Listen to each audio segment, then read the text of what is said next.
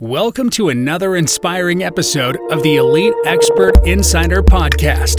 Hosts Melanie Johnson and Jen Foster are the owners of Elite Online Publishing. They're both Wall Street Journal, USA Today best-selling authors. We're really glad you're here because this podcast was designed for you. Meet industry experts that share their secrets and strategies. Get successful results for your business in money, relationships, health, and your life. Each episode is going to inspire you to take action towards reaching your greatness.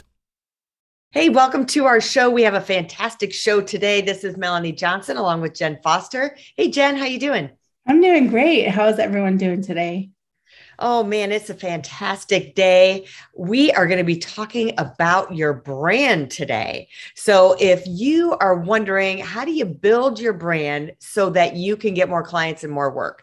I mean, sometimes I think people fluff their brand under the carpet. They don't think it's really important. They worry about advertising, but they don't look at it from a whole point of the whole company and the brand and what you're telling people and how to make it a willing a winning brand. I was just looking at um, some stuff from steve jobs that he stole from nike but they came down with you know two words that said their brand was think different. It wasn't about the product and the services. So today we are really blessed to have kate dileo here today dileo here with us today. Oh my gosh she is a brand expert. So we are going to dive deep into a brand but i want you to think about this. If you're thinking, oh, I don't have a brand, I'm not a company. Well, guess what? You are your own personal brand. Whether you're a mom, whether you're a friend, your whole persona is your brand of who you're putting out and the conversation you want to say. So stick with us and you are going to learn something that's going to change your life today. So, Kate, thanks so much for joining us. Thank you for having me. I'm delighted to be here. Kate, tell us a little bit about your background and how you got into the branding space. Absolutely. So, um, you know, I'm an older millennial. I'm 36. I'm a mom of four, and I am an accidental brand strategist. So maybe like a lot of people listening in today, um, I had a bit of a zigzag career, to be really candid. And Jen and Melanie, what ended up happening was is I fell into branding uh, right at the time that the market crashed. So back in 2008, I was planning to pursue my PhD in cultural and linguistic anthropology. And when the market crashed, I had a professor come up to me and say, Kate, listen, we really don't know where this field is going to be. And so I recommend that you focus on going and getting a job, pay off your debt, just come back. And of course, you know, my Italian father loved this, right? He's like, please leave my house and pay off your debt. You know, God bless him. So of course, I go get a job. And this is what's so funny, ladies, is I took a job in sales. But here's the thing I took a job cold calling IT professionals to sell them $2,500 training classes. That's not exactly smart considering the fact that IT people clearly love to be called and clearly love to be sold to. But it was in this job that I recognized I had a sink or swim moment that all the complex sales scripts and all of the amazing drip marketing campaigns that they were helping me put my leads into, none of it was working. And I had to figure out a way to break through the noise and get these people to want to have a conversation with me. So candidly, I just decided to experiment. And what I did is I called them up and I said, Hi, my name's Kate. I'm with this company. Here's what we do. Here's how I can solve your problem. And here's how I'm different. Boom, boom, boom. I delivered a simple brand pitch and it worked. I ended up successfully managing over a $1.2 million annual quota. Went on to be the head uh, in my area of sales, got recruited out to go work in the marketing agency world to go build those brand pitches. And for many, many years, I was just side hustling. I was building brands on the side. About three years ago, I finally took the big jump and I became a full time entrepreneur in 2019. And so now at this point, I've actually built over 300 brands globally and um, I've worked in over 20 sectors. Wow. You know, you made it sound so simple. Like I just did these three things. So, um, yeah. clarify your, how do you clarify the message that goes in those three things? I mean, it sounds simple. I just gave them the solutions. I told them who I was, told them what we did and how it could help them. But is there a way to really dress that the right way? Yeah, that's such a great question. Let me try and address it in a couple parts. So, when I talk about giving this very simple yet provocative brand pitch, it was fascinating. What I recognized was that people, based on buyer psychology, do need to hear three very important things in a specific order to mm-hmm. want to get to the next layer of detail, aka to get to a point where they care about your products or services. Mm-hmm. And based on buyer psychology, as I studied this, I realized they need to have a tagline that says, Here's what I do. a Okay. value proposition statement that says, here's how I solve your very specific problem, and then a set of differentiator statements, kind of like the one, two, three, often called like the three uniques, for example, of how am I different and better than the rest? And believe it or not, it's in this particular order that brings a prospect to the point of conversion where they want to have a conversation with you. When we think about how does that translate into our personal brand or in our corporate brand, truly, truly, what the way that that shows up is not paragraph upon paragraph of content, but on having a very tight, crisp tagline, having a very succinct value proposition statement, and then a series of one, two, three bullets boom, boom, boom. Here's how we're different and better than the rest. Believe it or not, that's it. I like We that. overcomplicate it. Yeah. Yeah, I really like that. And I like how you said it can be for your personal brand too. So I was just thinking, hey, I can close a boyfriend with that.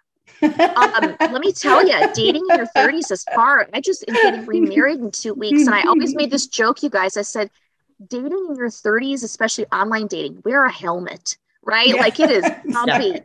But uh, Yeah. hey, it's funny though. I met my fiance because I applied that same approach on my Bumble and it worked. So here we are now. How many See, years it later? totally works. So Right, that's going to be only the good tagline your- for the video. yeah, not only good yeah. for your business, it's really good for your personal brand too. There you go. Yeah. But it does. It works across the board because isn't it true on a human connection standpoint? That's typically what people ask you when they walk in the room. Mhm. Oh, Jen, it's so nice to meet you. What do you do? Mm-hmm. Yeah. How do I respond to that? And And that that's kind of gets thing. Yeah. it kind of gets me that thing like you're you're leaning towards you talk about the common ground with your audience so they'll get you to buy and and is that what you're talking about when you mean common ground It is. There's the sense of when you meet somebody, whether it's in the Zoom room, whether they hit the homepage of your website, common ground is really established when they get to a point of understanding and when they feel like you get them. And so the secret is the first thing that they're going to ask you is, What do you do? Like, give it to me up front. And when you have a really provocative tagline that says, This is what we do, and really gets at it, the promise of what you can do and deliver, that's interesting. And it should provoke some sort of question internally or aloud where they go, okay, interesting. What do they mean by that? Hold on. Like, I want to know more. And this is the part that builds the common ground. It's the second layer of your brand, which is a value proposition statement. Mhm. Have you ever gone to somebody's website and you read their message and you go, oh my God, they read my mail? Like they get me. Um, these are my people, right? Actually, as women, I find that we do this a lot, especially when we're buying beauty products. Like we're really attuned to who gets us and who doesn't. Mhm. Well, even in B2B services, when you read a value proposition statement, that's where the crom- common ground is built because there should be a statement that says, We get it. We know what you're going through. Here's your pain. Now, here's how we solve that problem. Mhm. Mhm. And that's the thing that gets your prospect to go, All right, I'm willing to read more. Okay, now you've caught my attention. Let's unpack this. I think that's really interesting too. It's making me think. I'm just like pondering here. Hmm, how can we change this on our? We need some brand guidance here from Kate. we can change this on our website. We gotta, you know, what's unique about us? We're single moms. Like, oh yeah, we gotta add more stuff like that in there. Really. Yeah. And I think about, like you were saying, you know, on a personal level, um, coming up with that tagline as an individual, that's Yeah. even more like that kind of is tough. It's challenging for people to say, what's my personal tagline of who I Mhm. am? Like if you are dating, like she was saying, or to give it to a spouse or to your kids or something so they understand you, I think is a whole nother level. But we are focusing on business here. But I love how it can transcend into Yes. that. You know, You and more- we could talk for hours about that. I can talk to you about the whole psychology of how you create that on a personal level. It's great. And then what about so all right, so we come up with this tagline, we come up with our brand, but then if no one sees it, right, what good is it? I mean, it can be on our website, but if no one's coming to our website, so what are things that you suggest to get people to implement this and to let the world know who they are and to share it? I mean, it's great on sales calls, obviously that works, but what's the bigger picture of that? Oh, I love this question. Okay, so that's always one of the biggest questions. How in the world do I implement this sucker? Where does it go? How do I show up in the world? Okay, so part of the process in writing your brand is understanding who are you even trying to speak to and why, right? Mhm. Wouldn't this be the, the natural tendency that we go, great, I know who I am, what I'm trying to do, but you have to almost pivot for a second before you write your brand and ask yourself, well, who am I really trying to serve? And what does the ideal target market look like? If I say that I want to serve B2B manufacturers, I always give the example okay, Bob, imagine you walk into a room of 100 C suite executives of 100 mid-sized manufacturers. How do you know the 10, 20, or 30 whose business cards you need to get? Because they have the right demographics and psychographics and pain level that they're perfect to work with you. Do you have ideal really mapped? But here's why I say that because Jen and Melanie, once you understand ideal, it's not so much of saying, yes, I've got to have it on my website. Yes, I need it on my social profiles. Yes, I can put it in ads. I think the bigger question that we need to be thinking about as leaders and marketers is the question of once I've defined ideal, what rooms are these people already in, mm-hmm. digitally or otherwise? Mm-hmm. We constantly are told that we have to go find people. And I think that can be to our detriment. I first would suggest that we look at ourselves and look at the work that we do and ask, well, hold on. If I'm going for a C suite leader, where do they already go to solve problems? Are they in CEO roundtables and mastermind groups? Are they in Vistage? Are they doing EOS? Are they in EO group? Are they in um, local summits? Are they in chambers of commerce? Where do these people show up? Where do they mm-hmm. network? Where do they spend their money? Where do they network with each other to solve a business problem? That's where I want to be because it's far easier for us as leaders and marketers to go where the audience already is and mm-hmm. then show up in that room and deliver our pitch. Yeah, because mm-hmm. then you're not really going out to find them. So that finding isn't really a thing. It's more of here's my ideal, here's where they hang out. I'm going to place myself there, and then the magnet just kind of they come to come to you because you're yeah, there to solve their problem that they really need to be solved. Well, that's right. I think that we know that business is a relationship. It's not a transaction, mm-hmm. right? But I mm-hmm. think sometimes we get really concerned that we're supposed to build all the most complex sales funnels in the world. And I always want to say that can be great. That could be a great tool and asset depending on what your strategy is and what you're offering. But can we first talk about maybe what percentage of your marketing budget should go towards that versus how could you maximize your time to show up in the right rooms and deliver a pitch that's going to get three prospects to want to get on a call and actually talk about a price. If that actually serves you better with your time, make sure that you're focusing efforts there and not just throwing 10, 20, 30K a month towards a marketing budget that may only get you a 2% click through rate. Mm-hmm. Yeah, because that's uh, like a big hole. You just, you're spraying and playing, or uh, praying, so to speak, on that, right? Yeah, I think it's the question of where am I going to have the most authentic human connection? Mm-hmm. That being said, I have clients who are in the B2C space and the B2B services space. Their audiences absolutely are on LinkedIn, for example. So they have taken their message and their brand and have gotten really creative at creating groups, getting really creative at the types of posts that they're doing. They've leveraged video, and that's their way of implementing their brand, or they're getting a lot yeah. of conversations that bubble. Mm-hmm. Can you walk us through, like when you get a client, can you walk us through some of the process that you do with them? Are there questions that you ask them? Is there a questionnaire that they fill out that they can start? Like when we do books for people, we do a VIP day where we start to peel that onion to get to their target market and the message they want to see. Tell us some of the questions and insider stuff that you do with your clients. Sure. So I I actually the whole way that I work with people is probably like you guys. It's very collaborative. I don't go mm-hmm. like a wizard away like behind a Wizard of Oz curtain to write somebody's brand. We're in the room and we're writing it together over a series of 90 minute Zoom calls. Now, mm-hmm. the work that we start with are questions in session one around like, what's your purpose? Why did you build this company? Um, what do you hope to achieve in the marketplace? What problem are you do you think you're really solving? Who are your ideal audiences? But then I get into some interesting stuff too that's really fun. And this may appeal to you guys, uh, being writers and publishers, is I start to ask questions like if your brand were a person, who would it be? And I want them to give me a public figure or celebrity. I've written Oprah brands, Ryan Reynolds brands, Kevin Hart brands. We know how these people sound in our mind. And what we're looking for is the tone of voice and the rhythm that then helps them write in the right way because the tendency when you write brand or write a book is you're going to write these very long, verbose, corporate sentences. How do you tighten that and get that to feel like it's you? So we dig into that, then their audiences, and then we write every piece of the brand together. Mm, I like that. I like that you put it to a face, right? Because then you can see the face, hear the sound of the voice, and, and like you said, the rhythm of the brand. I really like that.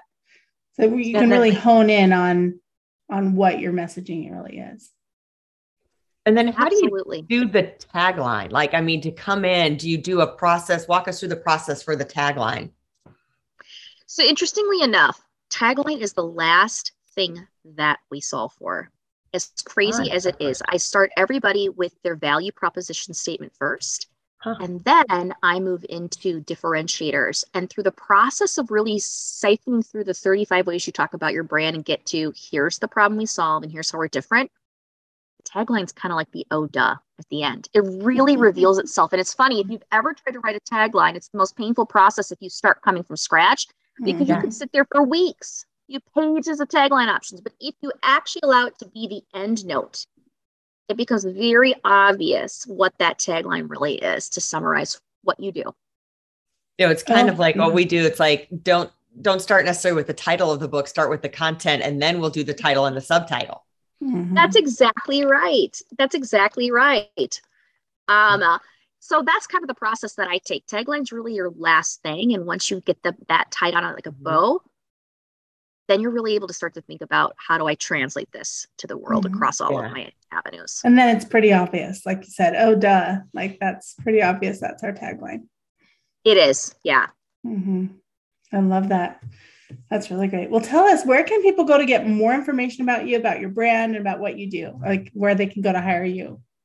Oh, absolutely. So the easiest way is to actually just check out my website, which is www.katedeleo.com. And of course, you can also find me on LinkedIn, and I certainly post and publish there.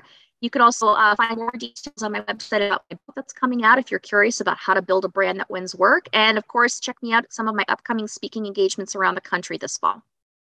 Awesome. That's great. Well, we'll put the, that in the show notes and have it on the link on YouTube as well. And people can go to katedeleo.com to get more info, more information. Perfect. All right, that sounds great. Thanks for tuning in today. Remember to subscribe to our podcast. And if you're looking to write your own book, reach out to us at eliteonlinepublishing.com. We guarantee all our authors will become number one bestsellers on Amazon or Wall Street Journal USA Today. So just fill out that submission form and see if we are a good fit for each other. We'll look forward to talking to you next time. Remember, we're here to educate you, inspire you, and motivate you every time. Have a great week. Bye. Hey, are you looking to increase your revenue, build credibility, and elevate your brand? This podcast is brought to you by Elite Online Publishing, an innovative publishing and full spectrum marketing company. They will publish and market your book to make it a number one bestseller. Becoming an author is the best way to market your business. So contact them at eliteonlinepublishing.com today. All of their authors become number one bestsellers.